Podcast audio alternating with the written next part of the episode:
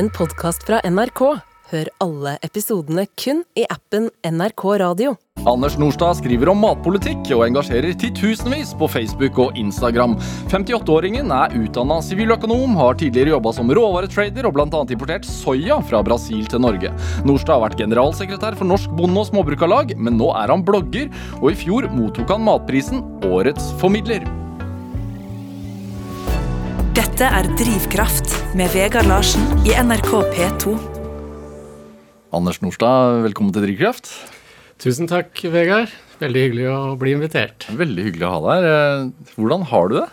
Jeg har det veldig fint. Det, er, eh, det begynner jo å bli vår, og som gammel fotballspiller så kjenner man jo litt på at når gresset begynner å bli grønt, så trives man ganske godt. Ja, du bor egentlig i Asker, men eh, du fortalte at da du gikk opp hit fra, fra Majorstua T-banen, så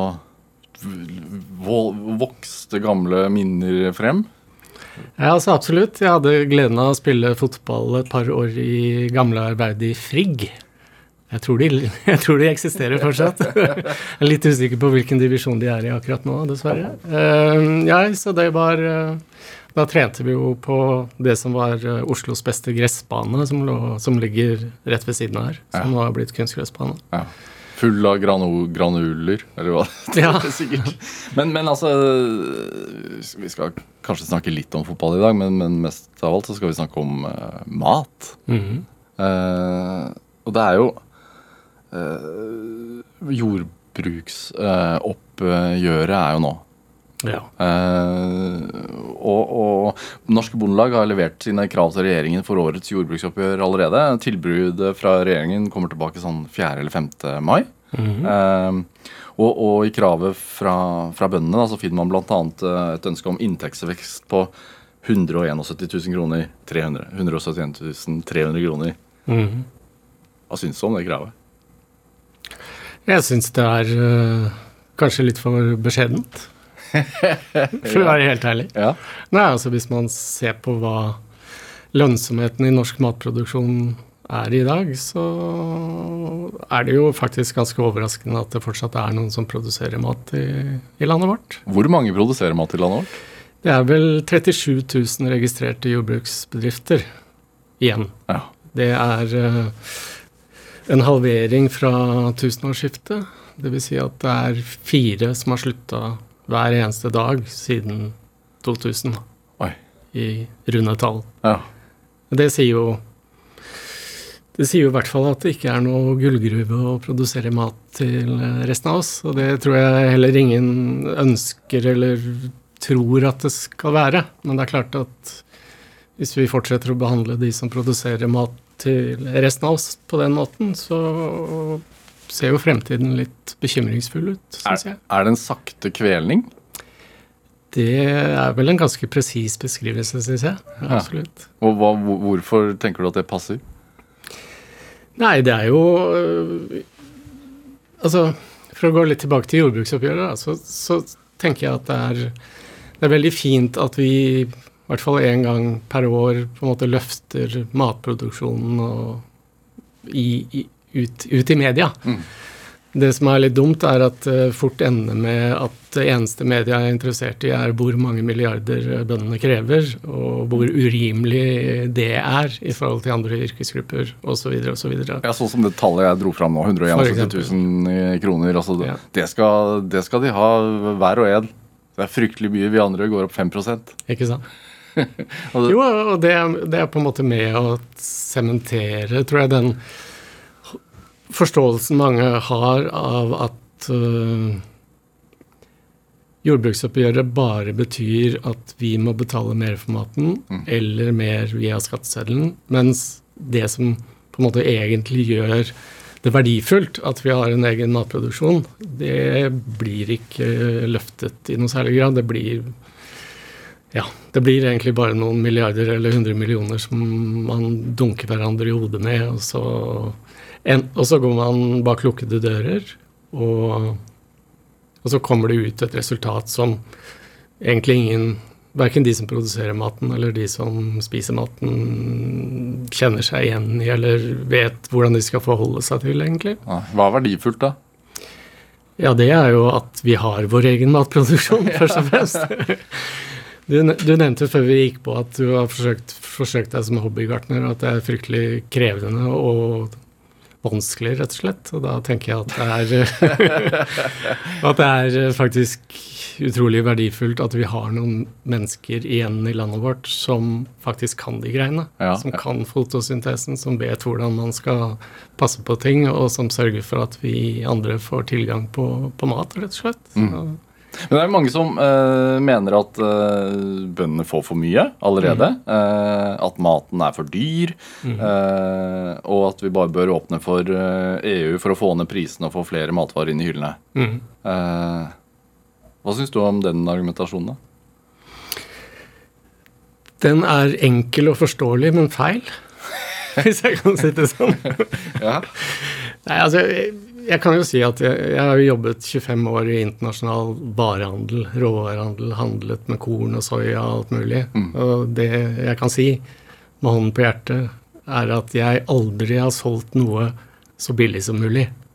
Jeg har alltid solgt til den høyeste prisen jeg kan oppnå. Ja. Og det, det, er, det er på en måte handelens, en handelsmanns oppgave. Mm. Og det er en ærlig sak, syns jeg.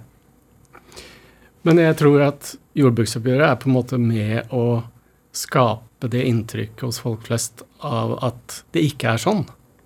Nemlig at det er sånn at prisen bestemmes ut fra hva bonden får for den ene literen, eller melken eller kjøttet eller kornet eller mm. et eller annet. Mm. Og det er forståelig at folk tenker sånn, for det er på en måte det bildet som blir tegnet i media. ikke sant? Det første NRK spør om, er ikke bare NRK, men alle medier egentlig, er hvor mye dyrere blir maten av dette jordbruksoppgjøret. Ja. Og da blir det litt sånn en spørsmålsstilling på feil premisser. Fordi sannheten er jo at handel, handelen, både i Norge og ellers i verden, forsøker jo å maksimere kjøpekraften vår og betalingsviljen vår. Og det er det som bestemmer prisene. Ikke hva bonden tar per egg? Nei. Altså, du kan si at det, det danner, danner, jo på, på, sett og vis et slags gulv når det gjelder priser. Mm. Men en, en, handelsmann vil jo alltid forsøke å få mye mer, ja. selvfølgelig. Hva, hva, får bonden for en kilo gulrøtter? Jeg vet, jeg tenker, du, du, har kanskje ikke det tallet, det tallet i hodet? Men jeg kan ta en liter melk, det er vel rundt fem kroner, da. Ja. Og så koster det 20. 20 25 eller ja. der omkring. Så det, så det, er jo mye mellom der. Men Ville den kosta hvis, hvis bonden hadde fått uh, syv kroner istedenfor fem, da, mm. ville den lagt på de to kronene i butikken, tror du? Handelen ville sikkert forsøke på det, ja. men, men det er allikevel sånn at prisene dannes av hva du og jeg er villige til å betale for den lite melka. Markedet? Ja, rett og slett. Ja. Jeg pleier å bruke et eksempel som jeg syns er veldig godt. Jeg har bodd en del år i Tyskland. Um, og altså, det er jo ikke sånn i EU at prisene på mat er like. Altså, det er like store forskjeller Eller det er veldig store forskjeller på hvor mye mat koster i EU. Selv om de har i prinsippet nøyaktig samme jordbrukspolitikk. Mm. De har ingen handelsbegrensninger. Det er fri flyt av varer, tjenester, kapital og alt mulig. Danskene reiser til Tyskland og handler, ja. f.eks. Og maten i Tyskland koster 50% mer enn i Polen. Ja. Så, som er nærmeste nabo. Ja, Så tyskerne reiser til Polen?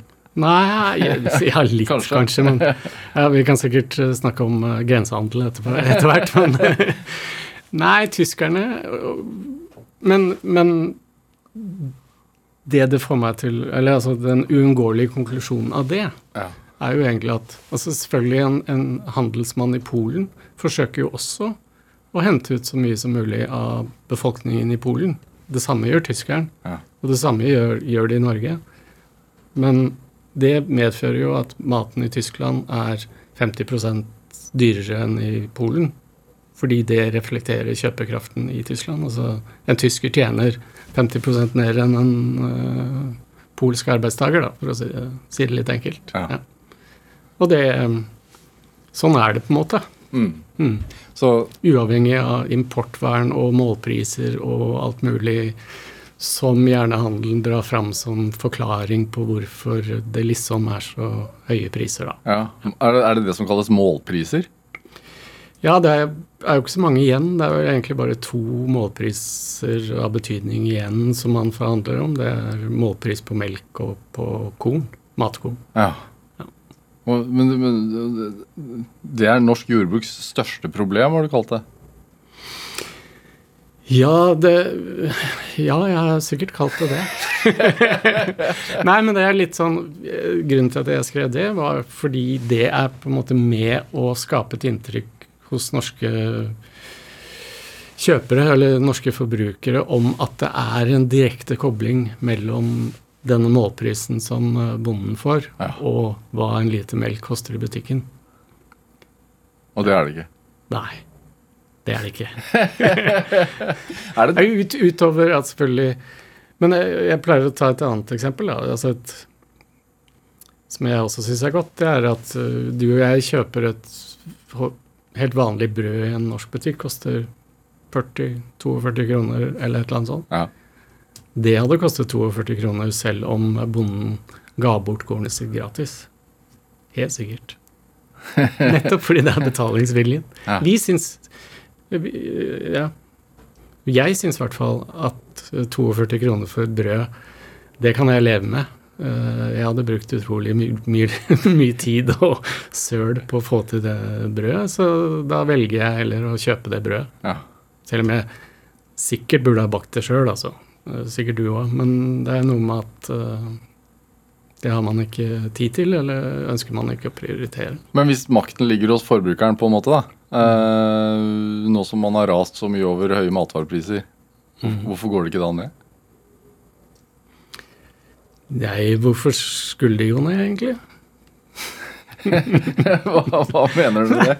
Nei, men altså Eller du kan jo si at vi Folk har mast over høye strømpriser òg. Ja, nå er de kanskje på, på vei litt ned, men, men så lenge det er betalingsvilje i et marked så, så er det det som blir prisen. Ja. Hvorfor? For å si det litt enkelt, da. Det er jo eh, Anders Nordstads blogg, som du kaller det, eh, som, egentlig, ja. som, egentlig, ikke er en blogg. Nei, jeg har blitt erta fælt av mine to døtre for det. De er 18 og 20 år. og De sier vel relativt tydelig at 'pappa, mann 58 har ikke blogg'. og det, det har de helt rett i. Ja. Men, men, eh, du har nok kalt det dette her, da, både på, på Instagram og, og, og, Facebook, som du bruker aktivt. Mm. Eh, hvor du har mange følgere og lesere. Mm. Er, sånn kort oppsummert, hva skriver du om som engasjerer så mange?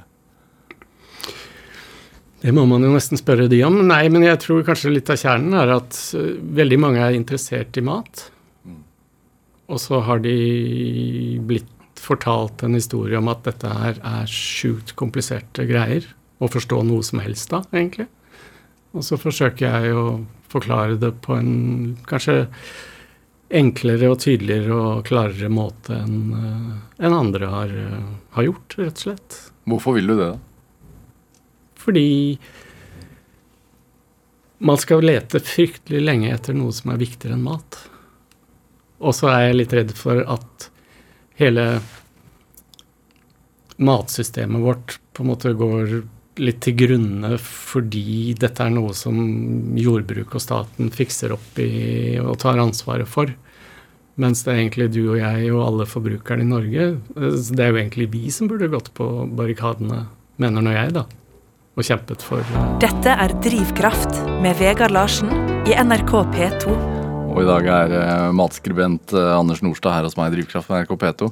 Smalt av en jingle her. Jeg syns det passet så bra at vi, at vi gikk ut på at du syns vi burde gå på barrikadene. Men, men i, i, i, forhold til det å, å, å ha jordbruk i Norge, mm -hmm. og at vi er selvforsynte.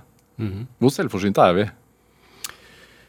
Svinger litt mellom 33 og 39% eller noe sånt. Ja, Er det jo et godt uh, grunnlag, syns du? Ja, altså vi, vi, har to land bak oss på den lista over land med lav selvforsyning. Det er Haiti og Belgia. Så nei. det er ikke bra. Nei, men Hvorfor er det viktig, da? Ja, det Det er Ja, det har jo på en måte heldigvis vært litt nå med pandemi og de, grusomhetene som skjer i Ukraina. Mm. Så ser vi jo at uh, vi kan ikke stole på å få kjøpt all den maten vi trenger. Nei, det er, det er sånn sikkerhetsperspektivet, på en måte. Ja, og så, er det noe med at uh, Ja, som, som du har erfart, at det er ikke bare bare å lage mat. øh, Det ligger veldig mye kunnskap i det. Mm. Og som jeg sa innledningsvis, når vi går i en beveger oss i en takt hvor uh, omtrent fire matprodusenter har blitt borte hver dag de siste 20 årene, så begynner det å bli tynt i rekkene. Mm. Og jeg mener at det gir, gjør oss ekstremt sårbare. Mm. Gjør det noe med kvaliteten på maten? Det gjør det også. Eh, og det er klart at altså, de norske bøndene blir jo Og det er også en del av jordbruksforhandlingene at her der blir det jo stilt krav om effektivisering og effektiviseringsgevinster. Altså så og så mange bønder skal vekk, rett og slett. Mm. Det gjør jo at man må jo De som fortsatt produserer, må jo tilpasse produksjonen sin litt, da, i hvert fall. I takt med disse effektiviseringskravene. Mm. Og hva, hva skjer da, da? Nei, det skjer Altså, for eksempel så tror jeg det nå er en 700-800 seter igjen. Altså det å utnytte de matressursene som finnes i utmarka, det er i ferd med å dø bort. Fordi det ikke er lønnsomt nok, eller effektivt nok, da. Mm. Og så er eh, ja, omtrent 15% av jordbruksarealet vårt eh, lagt i brakk. Altså de bratteste, mest kronglete jordene blir ikke utnytta lenger. Mm. I Nord-Norge så er det jo oppe i Det er snart halvparten av, av jo, dyrka mark som blir lagt i brakk. Og når man ser på hvordan verden ser ut, og at vi har en selvforsyning på under 40 det vil si at 60% av maten vi spiser, er importert allerede. Mm. Da tenker jeg at dette har vi sannelig ikke råd til, rett og slett. Vi burde ta oss sammen. Mm. Ta ansvar. Både, både, for, unnskyld, både for egen del, men ikke minst for uh, i solidaritet med resten av verden. Altså, vi, vi har jo Vi er jo styrtrike. Vi får jo kjøpt den maten vi trenger. Men er det riktig av oss å gjøre det, eller burde vi ta et større ansvar for å produsere i hvert fall det vi kan produsere? Mm. Mm. hva har det å si for bygdene, da?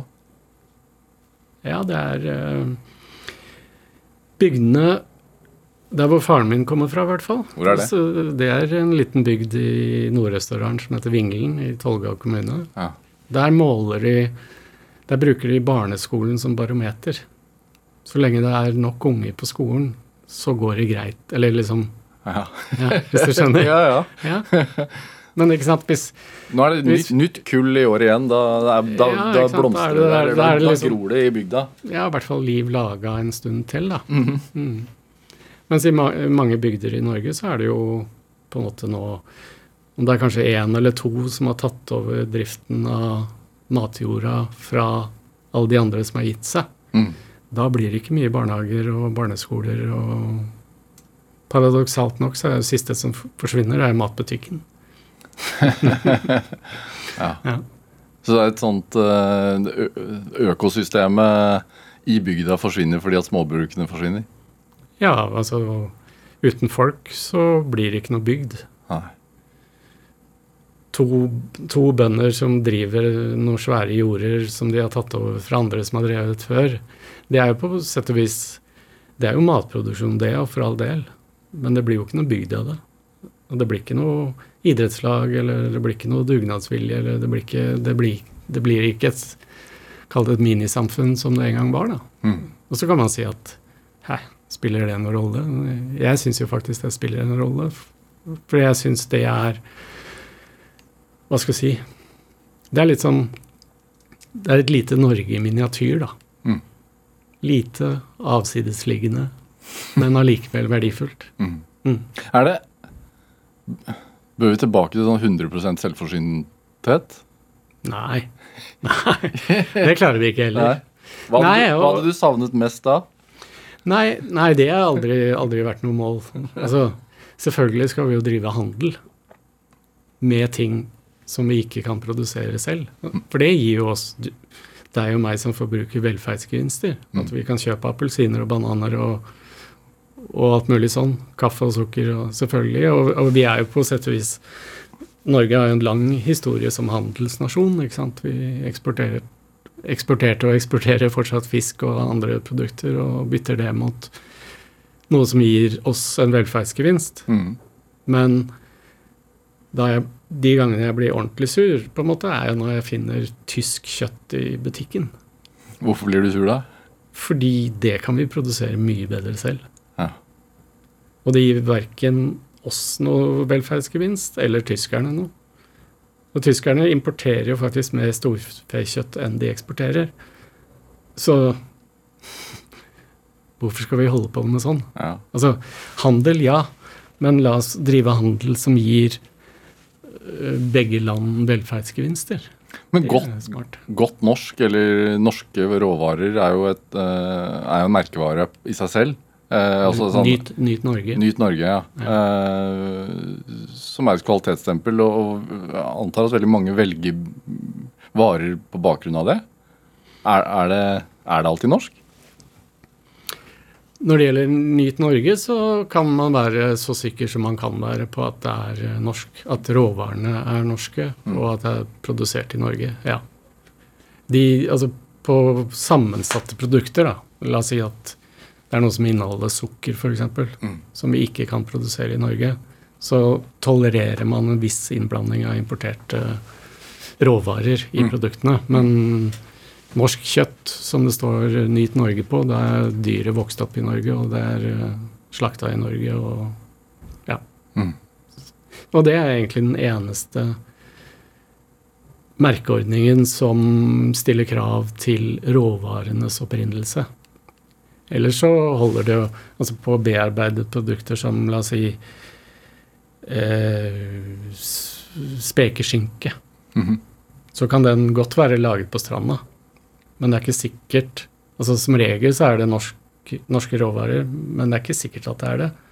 For på sånne bearbeidede produkter så må man ikke oppgi hvor råvarene kommer fra. Hvor ofte går du i butikken og bare kikker på innholds... eh, hva heter det? Deklam... Hva heter det? Deklarasjon? Deklarasjonen på, på, på produktene. er det Nei, ikke, ikke veldig ofte. Jeg, for når jeg leser bloggen din, da, for, altså når jeg leser det du skriver, så får jeg inntrykk av at her er en fyr som eh, overvåker med argusøyne hva, hva som skjer. Jeg får veldig mange tips. Ja.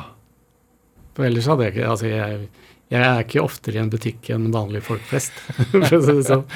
Nei, så jeg får veldig mange tips fra våkne følgere. Hva kan det gå på? Som, nei, det går veldig mye på litt sånn Kanskje ikke direkte feilakt, feilaktig merking av ting, men hva skal jeg si Veldig ofte at produkter fremstår som veldig norske Ja.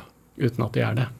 Det er noe som folk reagerer på, og det forstår jeg godt. For det er eh, For eksempel Folk liker ikke å bli lurt, på en måte. Nei. Altså eksempel at det er bilde av norsk, norsk fjell, liksom? Eller Ja, det masse, vi bruker masse symbolikk både i, i språk og i bilder og assosiasjoner som skal skape et inntrykk av at det er godt norsk, Ja. uten at det er det. Og, og, og det er nok Altså, handelen har jo også skjønt at det at det er norsk, har en viss merverdi. Ja. For det er ikke sånn at norske forbrukere bare kjøper det billigste alltid. Det er, det er nok en myte, for å si det sånn. og, og, og det er jo ikke spesielt for Norge. altså Tyskerne vil ikke ta i polsk kjøtt med en eh, Hva er dette for noe? Sånn ildtang en gang. Så det er noe med at mat er en i veldig stor grad en nasjonal greie. Og det tenker jeg også er veldig viktig, for det er, det er jo noe med at det man putter inn i seg i kroppen sin av mat, Mm. det ønsker man på en måte å være ganske sikker på at er bra. Mm. Vi putter selvfølgelig mye drit i oss også, men det gjør vi på en måte bevisst. Altså, vi putter i oss ting som vi vet at ikke er, eh, er bra for oss, og, og, og det er jo greit. Er det ikke et paradoks at vi er liksom opptatt av at øh, det kjøttet for eksempel vi spiser, at vi ser for oss at det har vært, eh, er fra norsk seter. Mm. Eh, men så er vi egentlig ikke villige til å eh, at staten skal gå inn og støtte at disse får overleve. Jo, det er jo det. Er jo det. Ja. Ja. Og en annen ting Altså, samtidig så vil jeg si at altså, jeg tenker jo ikke at vi skal tilbake til hest og kjerre, liksom. men, det- men det er jo noe med at eh, at maten i Norge faktisk, og, og enn så lenge, produseres på en uh, litt annen måte og i litt mindre skala, ikke minst, enn uh, mat produseres på i andre land. Men hva er det ideelle matsystemet, da? Ikke hest og kjerre, men uh...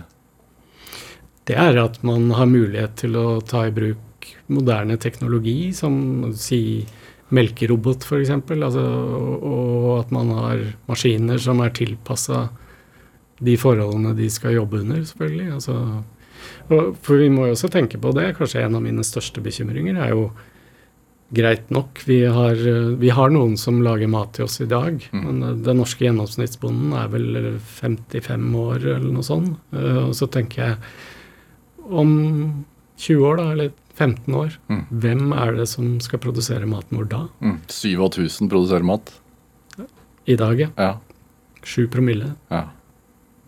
Allikevel så forhandles det hvert år om å redusere det antallet enda mer. Ja. Ja, du skriver jo mye om uh, at, uh, at det er få som, som drifter dette her. Altså Du snakker om de store butikkjedene. Mm. Uh, hvilke problemer fører det til, sånn du ser det? Det fører jo til at det blir veldig liten konkurranse. Eh, men det at det er, jo, det er jo sånn at de er jo ikke på en måte fornøyd med å bare drive butikk. Eh, De har jo tatt over all distribusjon, de har tatt over grossistvirksomheten. Mm. De er i ferd med å spise seg og ta over eh, industrileddet i stor grad også. Så, så de jobber jo målrettet mot en sånn Å eie hele kjeden? vert, vertikal integrasjon, da, fullstendig vertikal integrasjon, Ja. hvor de styrer alt fra bonden. Og får de muligheten, så vil de sikkert ta bonden nå, på en måte. Ja. Uh, og da, da tenker jeg at uh, at det er en utvikling som ikke er bra, rett og slett. Uh, og det er jo litt sånn Altså, mat Mat er jo er jo politikk. Det burde jaggu være òg, for det fins ikke noe viktigere, liksom. Så, så, så klart, politikerne burde være bekymret over matforsyningen vår. Men så, det, så blir det jo litt sånn at politikk møter kommers, og da blir det krasj. Hvordan da? Ja, for det dagligvarekjedene i Norge i hvert fall har fått etter hvert tatt så sterk kontroll over hele verdikjeden for mat i Norge Mm. at det er på, på sett og vis de som styrer mer enn jeg mener at de burde gjøre. Ja. Ja. Hva fører det til i forhold til de som produserer, da? Og og også vi som, som uh, handler? Ja, For de som produserer, så handler det om at de blir eh, kontraktstyrker eller leilendinger for de som selger maten. Er ikke det greit, da? Jo, kanskje det. Nei, jeg, jeg syns, syns faktisk ikke det. Og, og det man ser Det som jo skjer, da, er jo at de som faktisk står for verdiskapningen Mm. For den eneste verdiskapingen vi har, egentlig, er fotosyntesen. Det er det som er grunnlaget for all mat. De som tar seg av det, er bønder. Mm. Og de sitter igjen med en ekstremt lav lønnsomhet. Uh, ja, altså Mange må rett og slett bruke inntekt fra andre næringer for å kunne finansiere og fortsette å produsere mat til resten av oss. Og da tenker jeg at den totale verdiskapningen i den verdikjeden er så skeiv blitt. Altså de som egentlig bare flytter rundt på disse varene og putter inn i butikkhyllene, sitter igjen med en, stor, en for stor del av den totale verdiskapingen som skjer i verdikjeden. Mm. Og da igjen, da, så er jeg redd for hvem skal produsere mat til deg og meg eh, om 15 år. Det er mulig at du lykkes med ditt uh, hageprosjekt, men jeg er litt, jeg er litt usikker. ja, et par middager så er det spist opp antakeligvis. Men, men, men, vil det ha noe å si om, om det er bonden, eh, altså den selvstendige bonden som har produsert det, eller enn om det er hva skal man si eh, Ta som eksempel Norgesgruppens egen bonde som har produsert det? Ja, jeg tror vi trenger selvstendige bønder.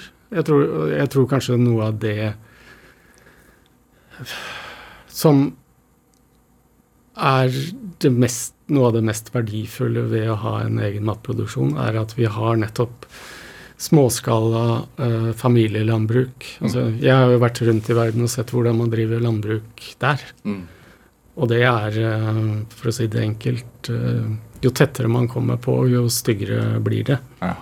For der er det renspika kapitalisme som utnytter det de kan av ressurser, og enda litt til.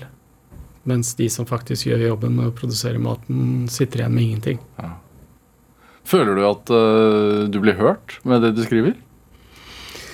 Det er overraskende mange som leser, i hvert fall. Ja. Jeg får veldig mye hyggelig og konstruktive og noen kritiske tilbakemeldinger. Så det gir meg jo energi til å fortsette. For det, virker som jeg på en måte har truffet en bitte liten nisje med folk som har lyst til å vite mer om det. Og så forsøker jeg å formidle det. Og, ja. ja.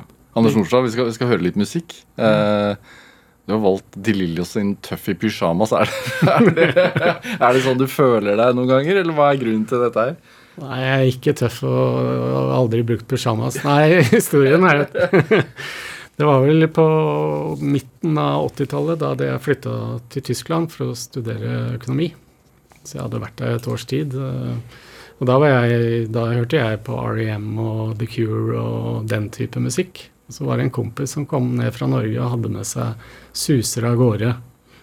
Og så husker jeg vi satt på den. Og så tenkte jeg what? Hva er dette for noe?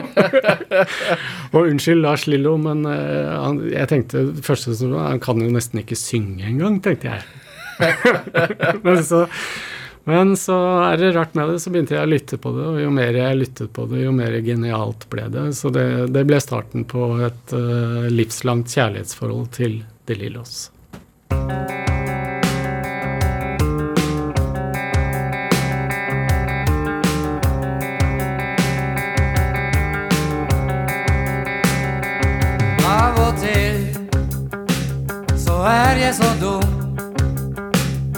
Når jeg ser meg i speilet, da blir jeg irritert.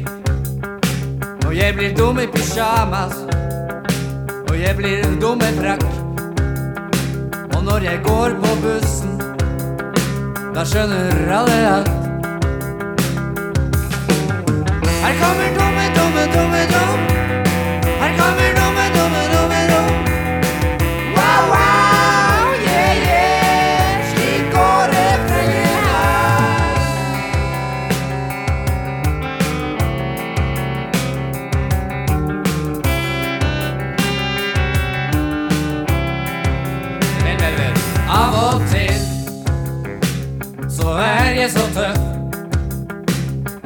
ser meg i speilet, da blir jeg imponert. Og jeg blir tøff i pysjamas, og jeg blir tøff med frakk. Og når jeg går på bussen, da skjønner alle at Her kommer tøffe, Ja, Du fikk en smakebit av De Lillos sin Tøff i pysjamas eh, her i Drivkraft på NRK P2. En eh, låt valgt av dagens gjest her i Drivkraft, eh, nemlig matskribent Anders Norstad. Eh, altså, du er jo fra et boligstrøk i Asker. Mm. Eh, hvordan i all verden eh, ender man opp som liksom landbrukets talsmann? Eller sånn forkjemper? Det er vel to ting. Litt sånn opphavet mitt Faren min kommer fra en uh, gård i nevnte Vingling, en mm. liten fjellbygd på uh, Gården Nordstad ligger der den dag i dag. Den ligger vel på 800 meter over havet. Men far min hadde en eldre bror, og da ble det sånn at far min måtte ut i, ut i verda. Bro, bror fikk gården. Bror fikk gården. Ja. Som ble tatt over av fetteren min, og som i dag drives av sønnen hans, som uh, også heter Anders Nordstad. Ja. Så, så det, er, det ligger litt, og jeg tilbrakte jo mange sommerferier og påskeferier og vinterferier der oppe. Ja. Så jeg fikk vel det litt med i, i farsmelken, holdt jeg på å si. Nei, altså, så faren min endte til slutt opp via visse omveier som kornhandler, og, og selv om vi unge gjerne sier at vi skal i hvert fall ikke bli som foreldrene våre, så er det rart med det. Ja. Du ender gjerne opp med noe som ligner, da, så da endte jeg også opp i kornhandelens univers etter hvert, da. ja, men du studerte eh, til siviløkonom i Tyskland først? Ja. ja. Og så inn i, i matens verden? inn i matens verden. Det artige, artig digresjon er at en som også har gått på samme skole som meg, er Trygve Hegnar, som eh, vel har eh, tatt med seg litt annen kunnskap om matproduksjon, og, og har et litt annet syn på dette enn enn jeg har, da. Ja. Men, ja. Men, men hva var det som altså, fordi Var det rett fra Tyskland til soyaimport i Brasil, eller? ja, nesten. Jeg var innom uh, gamle ærverdige Bjølsen valsemølle en periode og kjøpte inn korn for dem Mm. en periode. Og så fikk jeg tilbud om å dra til Brasil og være med på eventyret der. Som gikk ut på å sikre seg tilgang på soyabønner som ikke er genetisk modifiserte. Ja. Så jeg var, hadde ansvar for det i en fire års tid. Hvordan fungerer det? Altså sånn den jobben, hva gjør man da? Ja, man gjør For det første så er det, det er fire store private selskaper som styrer verdenshandelen og produksjonen av sånne Altså soya, hvete. Mm. De, de kalles de fire store. Og det er på en måte de som bestemmer spillereglene. Og det de gjør, eh, og vi også gjorde, var rett og slett gå inn med en god del penger. Vi lånte penger og gikk inn, og bøndene var jo stort sett alltid blakke, for det, de måtte skaffe seg nytt land og sånn, så vi tilbød dem penger og forfinansiere avlingen deres, rett og slett, mot at de leverte inn soyabønnene året etter. da. Mm. Det var den enkle starten. Og så år to så putta vi på litt mer. Da putta vi på kunstgjødsel og litt såkorn, og i løpet av veldig kort tid, kanskje bare tre-fire år, så hadde vi full kontroll på de som leverte soyabønner til oss. Mm. Vi fikk de langt ned i lomma, for å si det sånn. God butikk, men hva, hva syns du om moralen, eller det etiske? Nei, det var vel kanskje det jeg sleit litt med etter hvert. Altså, jeg så at for det første så er det fullstendig ødeleggende for naturen der. Altså det, vi, vi feide ikke selv ned noe regnskog, men vi, eller i hvert fall jeg skjønte jo at her må jo noen ha feid ned noe regnskog før det kunne bli soyaplantasjer der. Mm. Det er nå én ting. Den andre tingen er at det var ødeleggende for sosiale strukturer på landsbygda i Brasil. Altså folk ble jo jaga vekk, rett og slett. Og, ja. Mm. Så, men det var jo i og for seg spennende å være med på. Så jeg var en del yngre enn jeg er i dag. eh, på det, og jeg syntes det var spennende. Men eh, jeg så jo etter hvert at dette her er jo, dette er jo ikke bra. Og de, de, så de eneste som tjener penger på dette her, er jo handelsfolka. Mm. De tar fullstendig styring og styrer alt fra såkornet går i bakken til soyaen blir levert et eller annet sted i Kina eller, Mm. eller Norge, for den sakens skyld. Hva tenker du om soya som produkt i dag, da?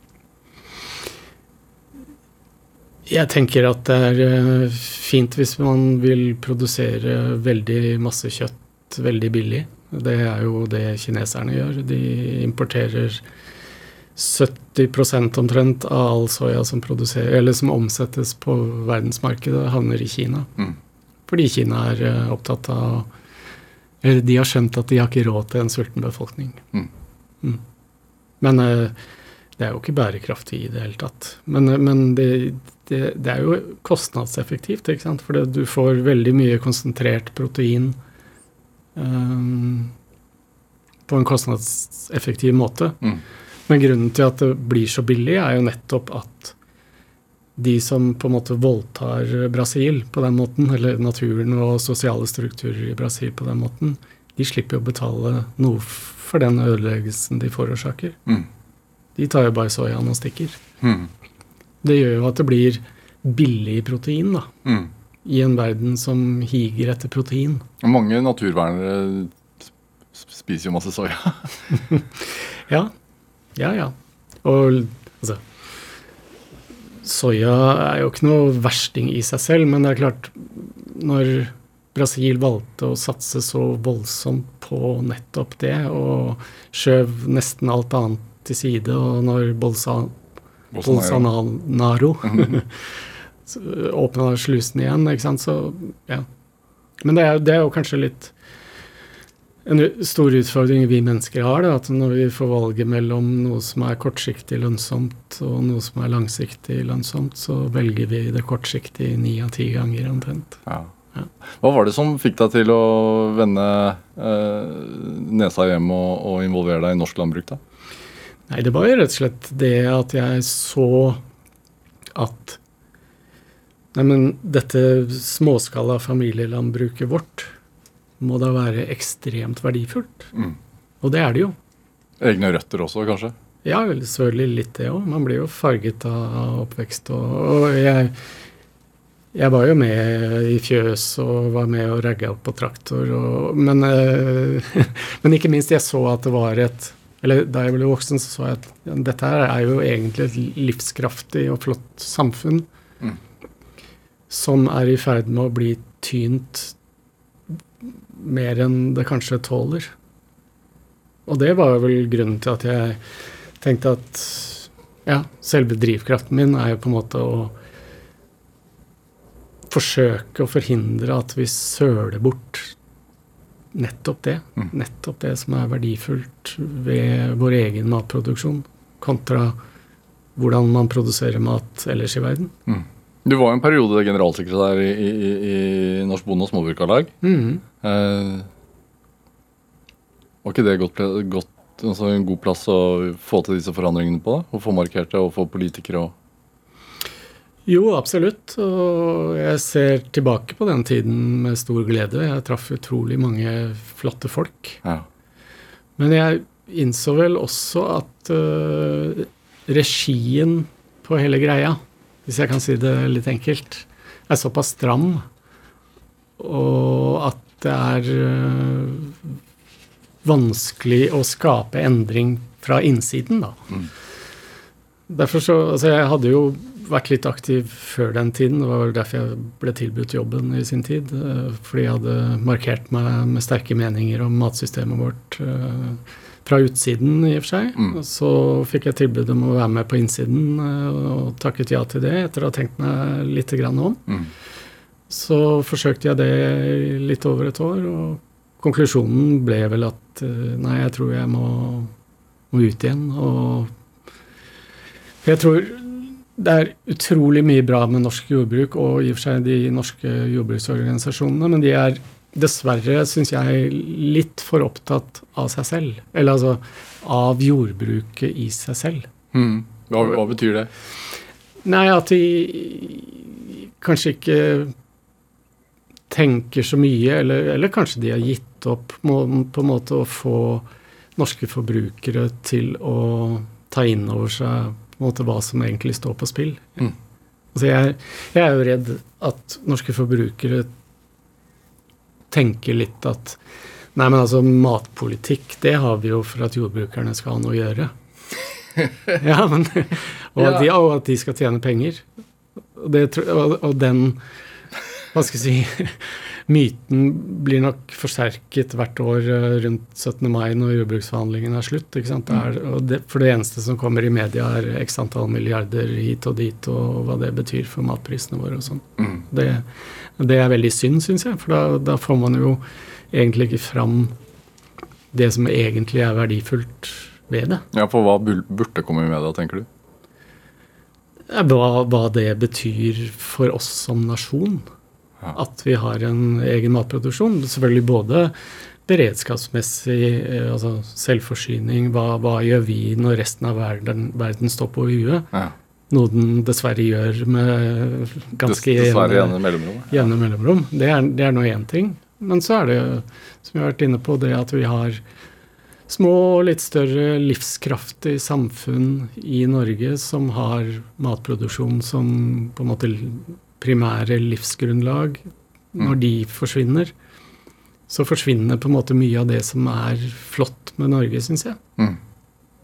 Og da er jeg redd for at vi sitter igjen som lutfattig nasjon som er på en måte avhengig av andre lands velvilje for å ha mat på bordet. Og da tenker jeg at altså, Jeg er fryktelig glad i Norge, og det er veldig mye bra, som er bra med Norge.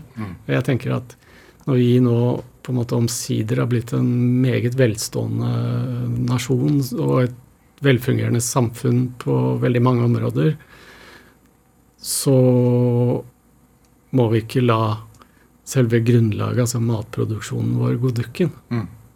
Du, vet, du, du, du skriver jo mye om uh, matvarekjedenes egne merkevarer.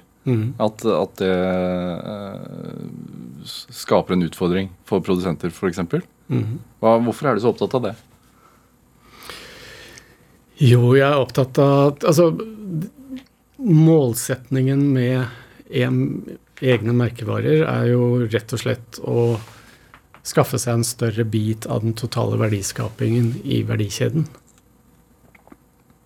Altså, og jeg hadde sikkert gjort det samme hvis jeg var uh, handelsmann. Ikke sant? Det handler jo om å tjene penger, for det første, og det handler om å sikre seg en større del av kaka. Mm. Og det gjør de. Hvorfor betale noen for å lage en bukse når vi kan gjøre det sjøl? Eh, Ja. På en måte. ja. Men, men, men så er det jo også at eh, de, Hva mister man med det? da? Man mister jo uh, verdifulle lokale merkevarer. Og, og, og man får en, en matproduksjon som styres av dagligvarekjedene. Helt oldent. Mm. For det er stor forskjell på å være en produsent av uh, matvarer som har en eller annen brand, og som har en eller annen merverdi, da. Enten fordi den er norsk, eller fordi den er fra et spesielt område i Norge. Så, mens EMV på en måte forsøker å anonymisere det og gjøre det egentlig verdiløst, sånn som jeg ser det. MV, hva er det? Hmm? Hva er MV? Nei, EMV. Ja, hva er det for noe? Egne merkevarer. Ja. Ja. ja. Um, men jeg, eh, altså, egne merkevarer er jo på en måte bare én en del av puslespillet da, når det gjelder vertikal integrasjon. Det er én del av det. En annen del er jo La oss ta Nå er ikke de her for å forsvare seg, selvfølgelig, men eh, Rema 1000 har jo, eier jo f.eks. sin egen kyllingprodusent. De har tatt steget ut og kjøpt og kontrollerer de som produserer kyllingene. Mm. Og de andre to har på en måte fulgt lignende opplegg. Og det betyr jo at i dag er dagligvarekjedene som bestemmer hvor mye som skal produseres, hvem som skal gjøre det, hvor det skal skje, og hvordan det skal skje, ikke minst. Og da tenker jeg at da har den vertikale integrasjonen gått for langt. Hm. Og så blir det ikke noe konkurranse mellom altså, Rema har sin kylling, Mm. mens det fins andre produsenter. Stolte Hane er på en måte integrert i Coop, mens Nortura og Norgesgruppen er den siste konstellasjonen. Mm. Som gjør at Det blir sånne integrerte systemer. Jeg ville jo helt, mye heller sett at norsk kylling hadde konkurrert med Stolte Hane om leveranser til alle de tre dagligvarekjedene. Men det ønsker jo ikke dagligvarekjedene. De ønsker å ha det integrert i sin virksomhet. Mm. Fordi det, det gjør det jo mer effektivt, på sett og vis. Det gjør det.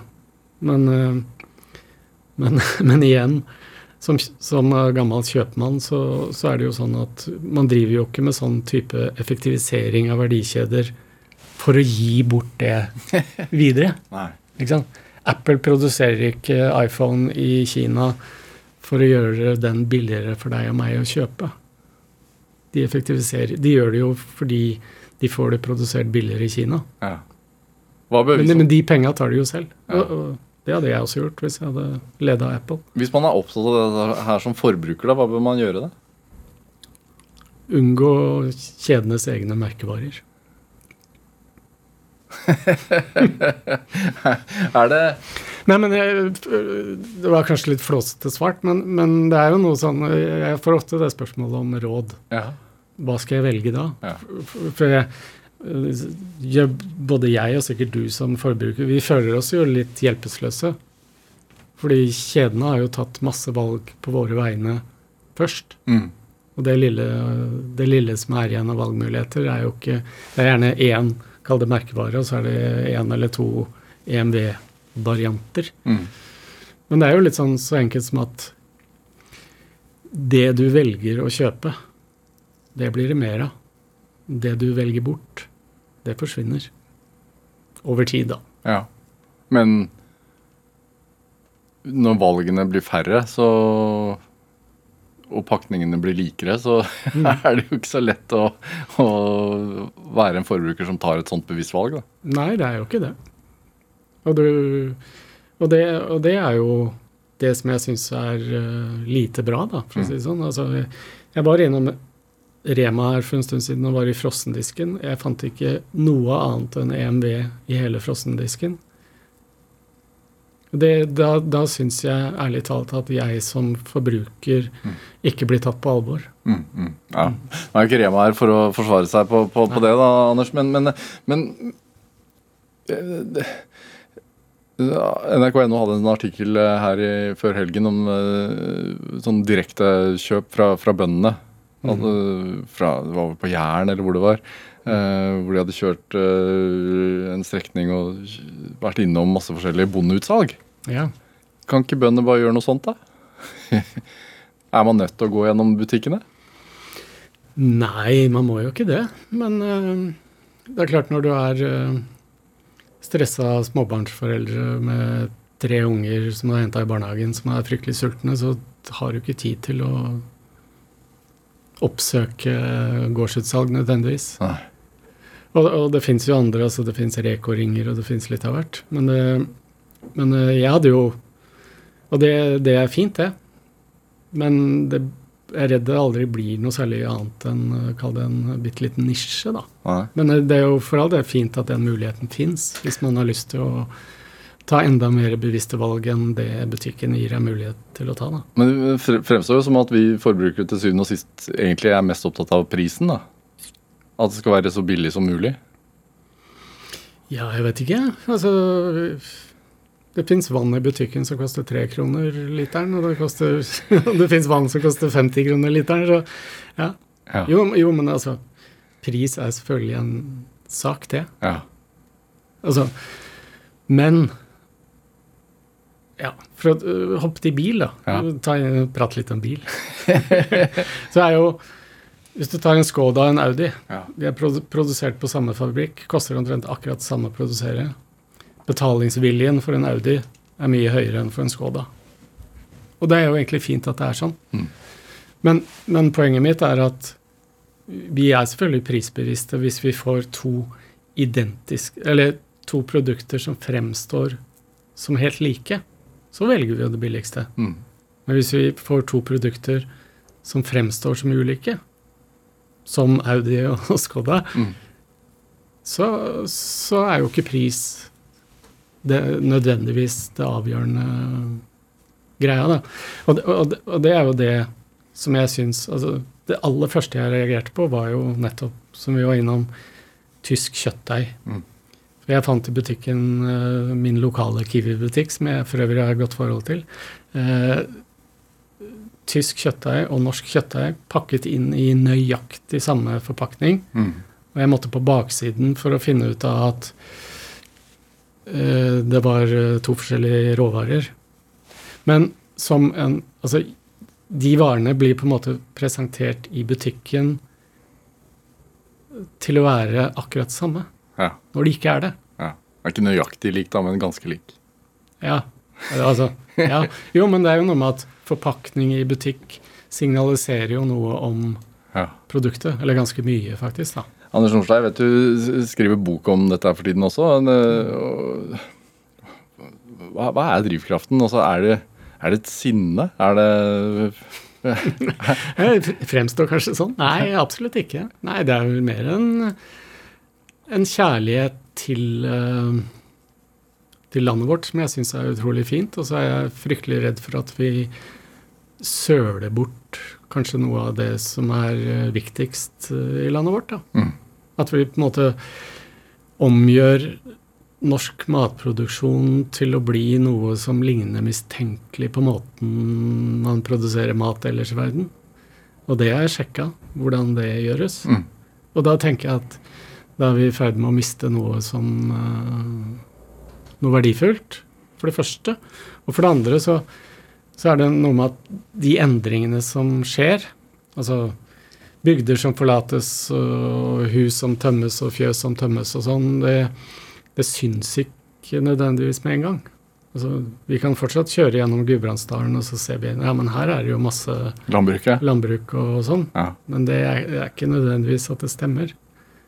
Så som sagt, eh, sjekk hvordan det er på barneskolene rundt omkring. Eh, en venn av meg som sier at så lenge det er dyr på beite og unger som leker, så er ting på stell.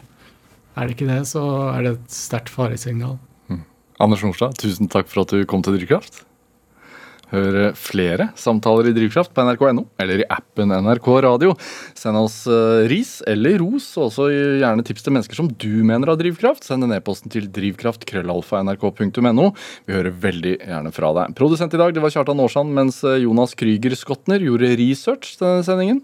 Men dette, dette var Drivkraft. Jeg heter eh, Vega Larsen. Vi høres. Du har hørt en podkast fra NRK. Hør alle episodene kun i appen NRK Radio. På 80-tallet fikk barnløse kvinner sæd fra ukjente menn som skulle være spesielt intelligente. Og alt skulle holdes hemmelig. De skulle ikke ha kjennetegn, helst ikke rødt hår. Nå har barna begynt å finne hverandre. Og så får jeg melding på Facebook. Hei, dette her er kanskje et sjokk. Du lurer sikkert på hvorfor vi deler så mye DNA. Hør sædeksperimentet i appen NRK Radio. thank you